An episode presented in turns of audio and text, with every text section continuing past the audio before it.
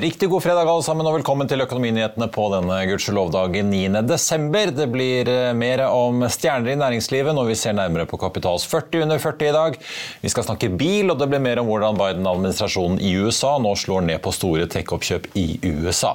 Men først la oss titte på markedet og nyhetene som preger dagen. Hovedindeksen endte jo opp 0,6 i går på torsdag, og var dermed ned 1,65 så langt denne uken før vi kom i gang med handelen i dag. men det ser ikke ut til at vi klarer å unngå å havne i minus for uken. For eh, vi er ned rundt en halv prosent eh, i dag på fredag, når vi nå har noen få timer igjen av handelen. Og vi kan nok eh, skylde en god del på oljeprisen, for den ligger fortsatt under 80 dollar fatet, som vi jo så den bikke da under i løpet av uken, for første gang da siden januar.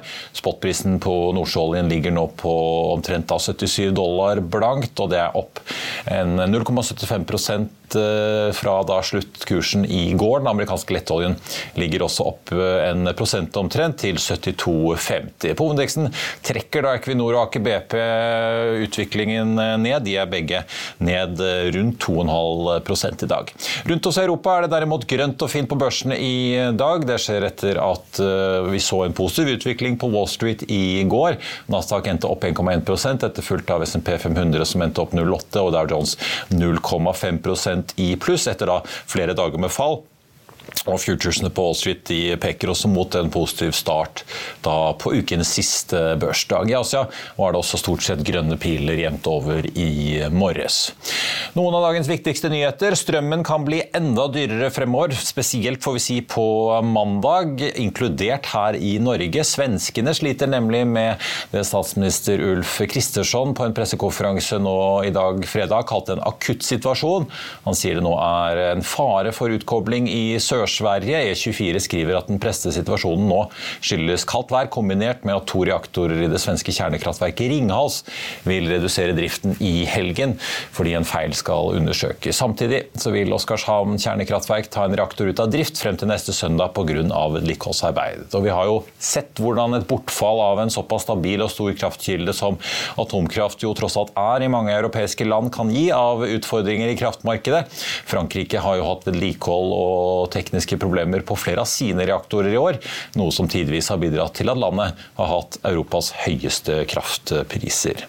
Og Apropos kraft, det skjer stadige ting innen havvind. Denne uken vant Equinor frem i auksjonen for flytende havvind utenfor kysten av California, der Aker Horizons måtte gå tomhendte hjem. Men Aker hviler ikke på laurbærene av den grunn. Aker Horizons melder nemlig at deres selskap Mainstream, sammen med joint venture-selskapet til franske NG og EDPR, som heter Ocean Winds, og Statkraft nå har inngått en intensjonsavtale for flytende havvind på det norske området Utsira nord.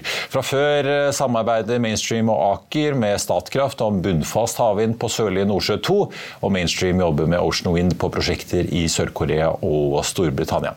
Aker Horizon stikker oppover en 3 eh, drøye det på børsen i dag. I Børsmorgen i morges snakket vi med analysesjef Turner Holm om havvindsektoren og planen den norske regjeringen har lagt frem denne uken. Her er et lite utdrag av hva analysesjefen i Clarksons Plato hadde å si. Er det positivt for næringen, eller?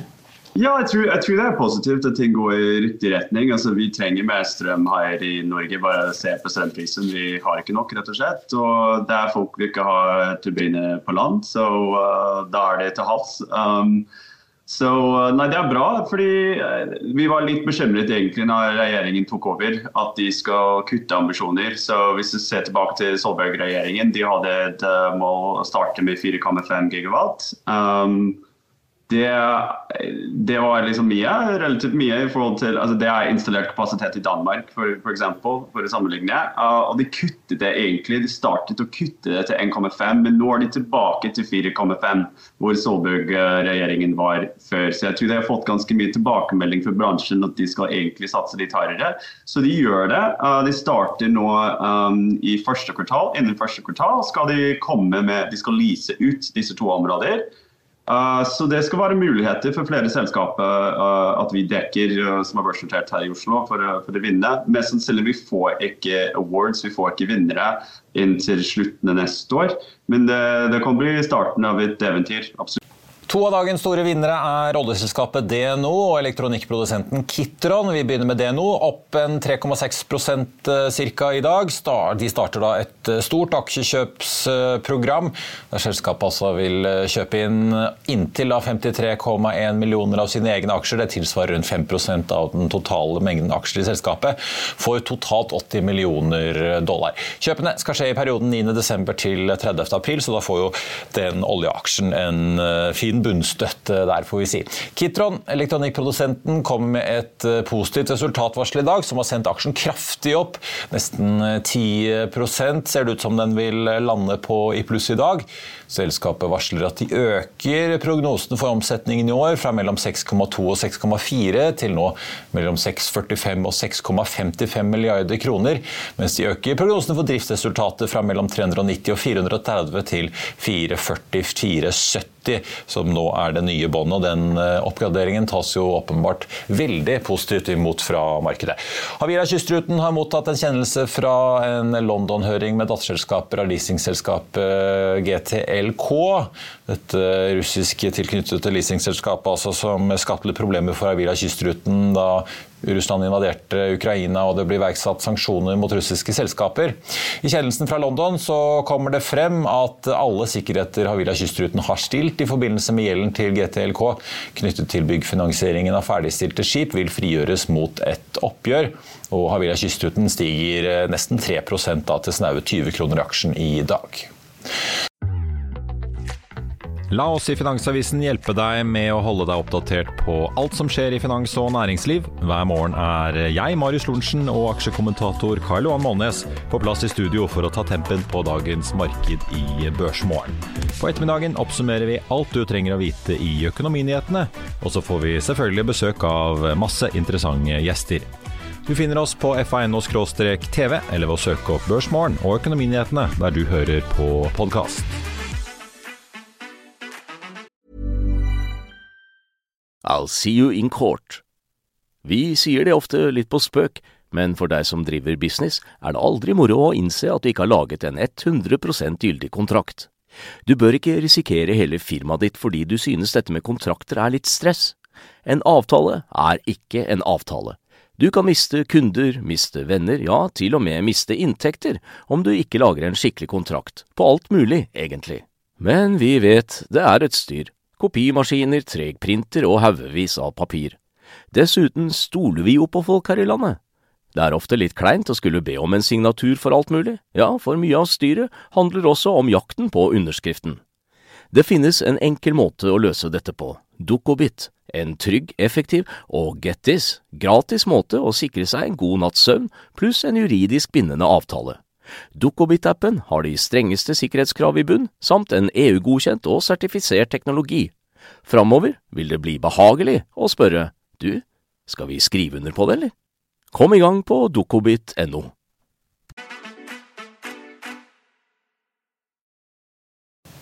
Litt eh, makro nå. Klokken 14.30 i ettermiddag så kommer de amerikanske produsentprisene for november måned. Det er ventet at de faller fra 8 blankt til 7,2% på årsbasis. Blir det ikke et så stort fall, eller eh, skulle det bli en flat eller stigende utvikling, så kan det slå negativt ut i aksjemarkedet, og det skal vi følge med på utover dagen. PPI-tallene kommer kort tid før de amerikanske konsumpristallene kommer tirsdag. og Det er jo da dagen før det amerikanske rentemøtet avholdes, der det er ventet at eh, Jerome Powell og Federal Reserve altså vil begynne å roe ned rentehoppene sine fra en takt på 0,75 prosentpoeng til 0,5 prosentpoeng Fasiten i hvert fall får vi da onsdag kveld neste uke klokken åtte. Men her hjemme trenger vi ikke vente så lenge som til tirsdag-onsdag neste uke, for SSB er ute allerede i dag med de norske KPI-tallene for november måned. og De viser at inflasjonen er på vei ned. Fra oktober til november så falt KPI-en med 0,2 det betyr at årstakten dermed falt fra 7,5 til 6,5% Kjerneinflasjonen, som altså ikke inkluderer energi- eller avgiftsendringer, falt også 0,2, og årstakten har da tikket ned fra 5,9 til 5,7 Inflasjonsmålet til Norges Bank er jo som kjent av 2 og rentemøtet i Norges Bank det skal holdes neste torsdag, så det blir en rentetung førjulsuke for alle økonomiinteresserte. Fra dagens børs og markedsnyheter skal vi nå til karriere, for i dagens Kapital så kan du lese om unge stjerner på vei opp og frem. Vi tok en prat med kollegaene våre i Kapital litt tidligere om kåringen. Bare se her. For femte året på rad er Kapital ute med 40 under 40. En imponerende liste med stjerner i næringslivet som er på vei opp og frem, som det er verdt å holde et øye med. Og med meg nå har jeg fått eh, Tilja Fyksen og Ingrid L i Kapital. Velkommen eh, begge to. Ingrid, eh, jeg tenkte å begynne med deg. Fortell litt om noen av de vi kommer til å finne på listen i år. Kanskje vi skal begynne med hun som vi finner i oljefondet, men som ikke flytter på penger? Ja, Eh, det er Astrid Marie Ravnås, 30 år gammel. Eh, hun er IT-sikkerhetssjef i oljefondet, så det er hun som passer på at eh, ingen bryter seg inn og stjeler de nå 12 700 milliardene som ligger i fondet. Og det var faktisk Nicolai Tangen som ringte personlig og ba henne søke på stillingen. Det er ikke så verst. Det er ikke så verst. Så har vi da vet du at du som har truffet i hvert fall et eller annet. Ja. Riktig. Og så har vi òg Nishant Fafalia som jobber i Kystfoss. Um, har gjort noen veldig store snuoperasjoner i noen selskaper der. Og han har en veldig fin historie, så du kan lese mer om i Kapital. Og Tilja, Vi finner eh, også stjerner i de store industrikonsernene. Mm, det ja. stemmer. Olena Gevon på 34 år. Hun er eh, finansstjerne i Hydro. Og hun jobber tett med Hilde Merete Aasheim, som omtaler henne som et finanstalent. Um, og så har vi Lasse Reiersen, også på 34 år. Han har jobbet for eiendomskongene Runar Vatne og Ivar Tollefsen. Og uh, nå satser han for seg selv og skal bygge ut over 200 boliger. Så da er det bare å passe seg hvis man er i eiendomsbransjen. Men Ingrid, fortell litt, hvordan er det man havner på denne listen? da? Eh, nei, altså, I Kapitals 40 så presenterer vi et utvalg eh, av de aller største talentene i norsk eh, arbeidsliv. Eh, det som skiller de på listen fra andre, er at de er mm, hardtarbeidende og målretta og har egenskaper og kunnskap som eh, gjør at de sannsynligvis vil nå veldig langt. Eh, og noen har jo allerede toppstillinger i store børsnoterte selskaper, mens andre har starta egne selskaper som nå verdsettes for store summer. mens noen andre er med fordi vi tror de kommer til å bli viktige aktører i tiden framover. Ja, for Tilda nevnte jo Hydro her, men uh, for det er en som, ikke, en som også jobber tett på Hilde Merete Aasheim i Hydro-ledelsen, som har vært på disse listene før. Riktig. I 2019 så kom han inn på listen fordi han da ble finansdirektør. ja, Pål Kildemo altså? Ja. Pål Kildemo, ja, ja. riktig. Eh, og så har vi jo også folk uh, i liksom, hva skal vi si, meglerbransjen. Mm, ja. ja. En annen som også har vært på listen før, er Tiril Støle da som aksjeanalytiker i Sparebanken 1. Eh, men nå har hun gått over til Storebrand som porteføljeforvalter. Ja. Men vi har også hatt flere flinke gründere på listen, bl.a. Martin Schutt, eh, som står bak gründerfabrikken Askeladden Co. Ja med digg pizza og alle disse ulike kjedene eh, som de har innenfor alt fra begravelser til ja. Eh, tannpleie og det som er. Eh, hva er kriteriene for å havne på denne listen? Tilja? Oversikten er basert på innspill fra kilder, headhuntere, ulike selskaper og Kapitalredaksjonens egne vurderinger. Og det er ikke tenkt som en fasit, men et godt utgangspunkt for å orientere seg i jungelen av alle de dyktige menneskene som finnes her ute. Og vi har bevisst plukket ut personer fra ulike bransjer og roller, og målet er å vise et representativt utvalg av unge, flinke mennesker som er enere på sine felt, og som vi, har, eh, som vi tror kommer til å nå langt i ja. norsk næringsliv. Da. Det ser vi jo. Er det som en rangering, dette her, eller er det Nei, listen er ikke rangert, um, men sortert alfabetisk. Eh, så hvis det er noen som ser på oss nå som har innspill eller tips til gode kandidater til neste års liste, så er vi veldig avhengig av det for å få et eh, representativt utvalg av de største talentene i næringslivet. Veldig bra. Ingrid og Tilja Fyksen i Kapital, tusen takk for at dere kom.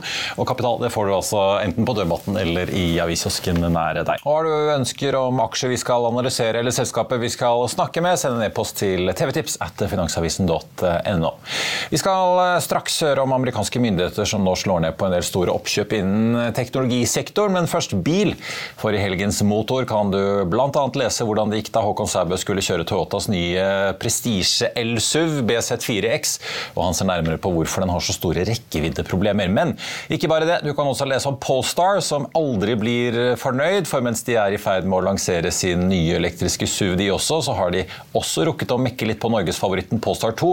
Kollega Andreas Scheel har vært i Spania for å kjøre Polestar 2 BST Edition 270. Bare se her. Polestar har hatt stor suksess i Norge med sin elbil Polestar 2. Og rundt en tredjedel av de bilene faktisk, de er performance-utgaven. Men det er likevel ikke nok for Polestar. For nå har de laget en spesialversjon av denne bilen, EST Edition 270.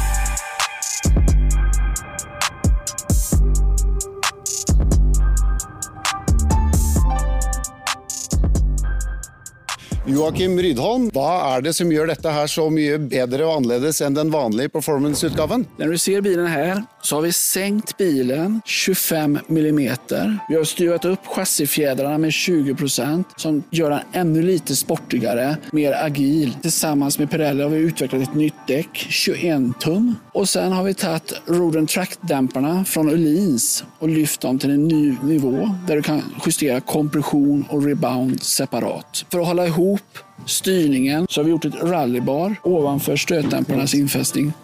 Det skal vi nå gå ut på Ascari-banen her i Spania og prøve og se om vi kan kjenne litt av forskjellene, og ikke minst når man justerer disse demperne for å se hva bilen har å by på.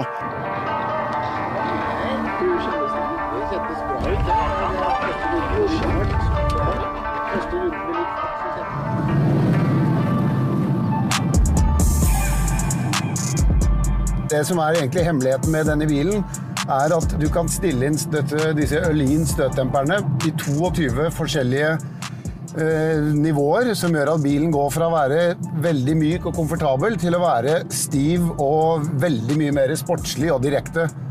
I tillegg så står denne bilen på 21 tommers felger, hvor felgene bak er litt bredere, slik at bakhjulene får litt mer trøkk og blir, virker egentlig litt bredere. Så når de gir på med 476 hestekrefter ut av svingen, så setter bilen seg skikkelig, og du får en ganske heftig akselerasjon.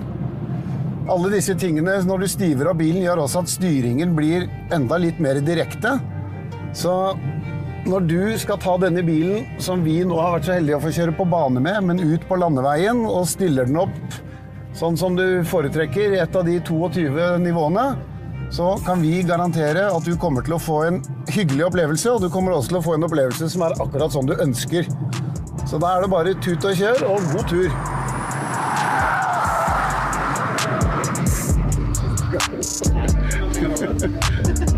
Jeg prøvde bremsene. Ja. ja de virker. De gikk. Ja. De tok ned de skulle, va? Ja. ja. ja det er bra. Denne uken ble det klart at amerikanske konkurransemyndigheter i Federal Trade Commission anlegger sak mot Microsoft for å stanse deres oppkjøp av spillselskapet Activision Blizzard, som eh, samtidig som det altså pågår en sak mot Facebook-eier Meta sitt oppkjøp av VR-selskapet Within. Bloomberg har snakket med lederen for American Antitrust Institute om hva som nå skjer. Diana, today just is emblematic of what currently it feels like the administration's focus on M&A, particularly within technology. We shouldn't be surprised. Lena Khan has steered us this direction. But what do you make of the doubling down from the FTC at the moment?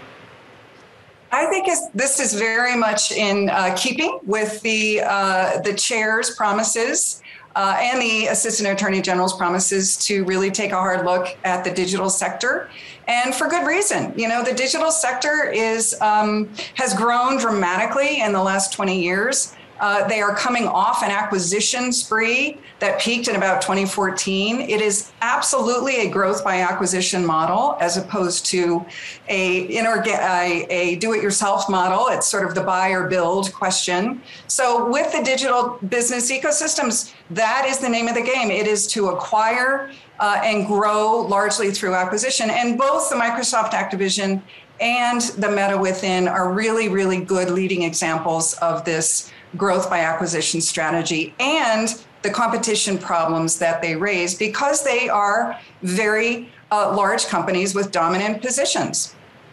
Diana, that word, competition, that's the bit that I think consumers, investors struggle to understand, or at least struggle to sympathize with the FTC with, right? Is the FTC doing this because it wants to foster competition. In other words, have many players in the metaverse, which, let's be honest, isn't a real thing yet. Or they want to prevent monopolies. Or is it the same idea? I think it's they're the same idea, right? The antitrust laws in the United States are designed to promote and preserve and protect competition for the benefit of consumers and workers and smaller businesses that might be trying to get a foothold in markets or expand in markets. Um, of course, that rationale, which is very consumer facing and worker facing and, and smaller business facing, can run up against rationales for why uh, companies might uh, need think they need to be bigger to innovate more or innovate more quickly and be more dynamic to ultimately bring new products to market and serve consumer demand. So there is a very strong tension there. But in the digital sector, I think the balances have tipped. Uh, as we've seen in these two cases, but also uh, the DOJ's case in Google, the FTC's case in, in Facebook, and, and several state cases that uh, there is a significant dominance problem in, in some of the leading digital tech players, and that competition really needs to be scrutinized very carefully. And M&A, of course, is one of the leading ways that uh, these companies grow. Diana, do you have any sympathy for within in this in this instance with Meta and the startup within? You know, one thing we've learned is, of course, that the, the metaverse is a nascent idea. It needs capital you know, access to talent to grow and to continue. Are you, are you worried that there will be an over stifling of innovation if bigger tech companies aren't allowed to go out and, and acquire smaller companies? So that's a that's a really good question, and uh, it comes up a lot yeah. in public discourse. Um, what is the better pathway to innovation? Is it to uh, encourage um, competition by smaller rivals? uh, independent market players and have them grow into significant market players that could then challenge these incumbent companies, right? The large digital techs. Um, or is it, and we do that through promoting antitrust enforcement, or is it to um, provide a pipeline or a feed uh, of these startups and smaller companies into the big digital ecosystems, knowing that they will be acquired and uh, and claiming that that somehow will will increase the ability of companies to increase innovation. There's a real tension there. Um, but I, again, I think the balances have tipped. And and for example, in the Meta Within case. Uh, uh, the purchase of Within, which has this uh, leading VR fitness app, Supernatural, um, takes out a really important source of competition in a market that is all that that already does not have very much competition. So we worry about that when you eliminate competition in an already concentrated market. In the Microsoft Activision case, that also that acquisition also eliminates important competition on the outside of a digital business ecosystem. And we worry about those acquisitions when there isn't already a lot of competition. Mm. So if you're in the camp where competition serves the interests of innovation, or in the other camp, which is we need big companies to acquire smaller companies to continue to innovate, that really frames out the debate. It's also an interesting debate to be having as we head towards basically a real pullback already upon us in terms of VC funding, a real pullback in terms of the free exactly. money that we were all so used to. And I'm wondering what ways do we tend to see big companies that are sitting on a ton of cash be able to foster innovation in the space they want to see grow if it isn't just by trying to do deals and actually acquire them outright? Right. The, the, very good question. And, and again, the, the, growth by acquisition model really uh, serves as a um, as a funnel for a lot of a lot of the free cash that companies have. But I think you have to look a little bit deeper at the culture of the companies, uh, at the way the digital ecosystems are structured with with a platform with lots of cloud technology where we've seen lots of acquisitions in the last many years but also these constellations of, of apps that exist in the ecosystem. That's a complex business model and it's the value proposition and it's really supercharged. So if you have market power in a platform or in cloud technology, all of those pieces of the ecosystem work together where where um, um, uh, market power can be leveraged throughout the ecosystem. And so that complicates the innovation story as well. And in fact, my char- supercharge incentives to buy smaller rivals because by buying a new application like a like gaming content or VR app content, fitness app content, you're able then to connect that content to um, to the platform, yeah. uh, a platform, and to supercharge it with value with cloud technology. So it's a very complex business uh, proposition, it's a value proposition, but also poses really complicated problems for antitrust enforcers in crafting uh, complaints. But the ultimate concern, I'm sure, as you know, is that all of all of this gets locked up in a single ecosystem, which mm. makes it very difficult for, for smaller rivals to get into those markets. I Finansavisen i morgen på lørdag så kan du lese Trygve Egnars leder, og du kan lese om at det settes milliardrekord innen teknologisektoren i Horten. Det blir profilintervju med mannen som vokste opp i et hjem uten alkohol, så ble direktør i Arcus og nå har blitt spritgründer. Og selvfølgelig så blir det også lunsjguiden og masse annet bil, vin og helgestoff å glede seg til. Og Det var det vi hadde for deg på denne fredagen. Tusen takk for at du så på. Det er straks helg, og vi har gjort klar litt helgesnacks til deg, for vi slipper nemlig nemlig opptaket av sjeføkonom Neira Masic i Prognosesenteret sitt foredrag for eiendomskonferansen eh, vi hadde her i Finansavisen som podkast i helgen. Der er det noen eh, veldig interessante betraktninger om hva som nå skjer i eiendom med stigende renter og andre brikker i spill. Den kan du finne i Spotify, Apple Podcast eller den podkastappen du måtte bruke fra og med lørdag morgen. Vi i FATV er tilbake på mandag, og i Børsmorgen skal vi både snakke shipping med Erik Håvi i Nordea og vi får besøk av solgeneral Viktor Jacobsen, mest kjent som sjef i EAM Solar. Nå er han klar med et nytt solselskap som skal på Oslo Børs, og han kommer til oss for å snakke om hvorfor solparker i Norge er en god idé. Før den tid så får du siste nytt eh, som alltid på fa.no når det måtte passe deg. Mitt navn er Marius Lorentzen. Ha en riktig god helg alle sammen, og så ses vi igjen på mandag.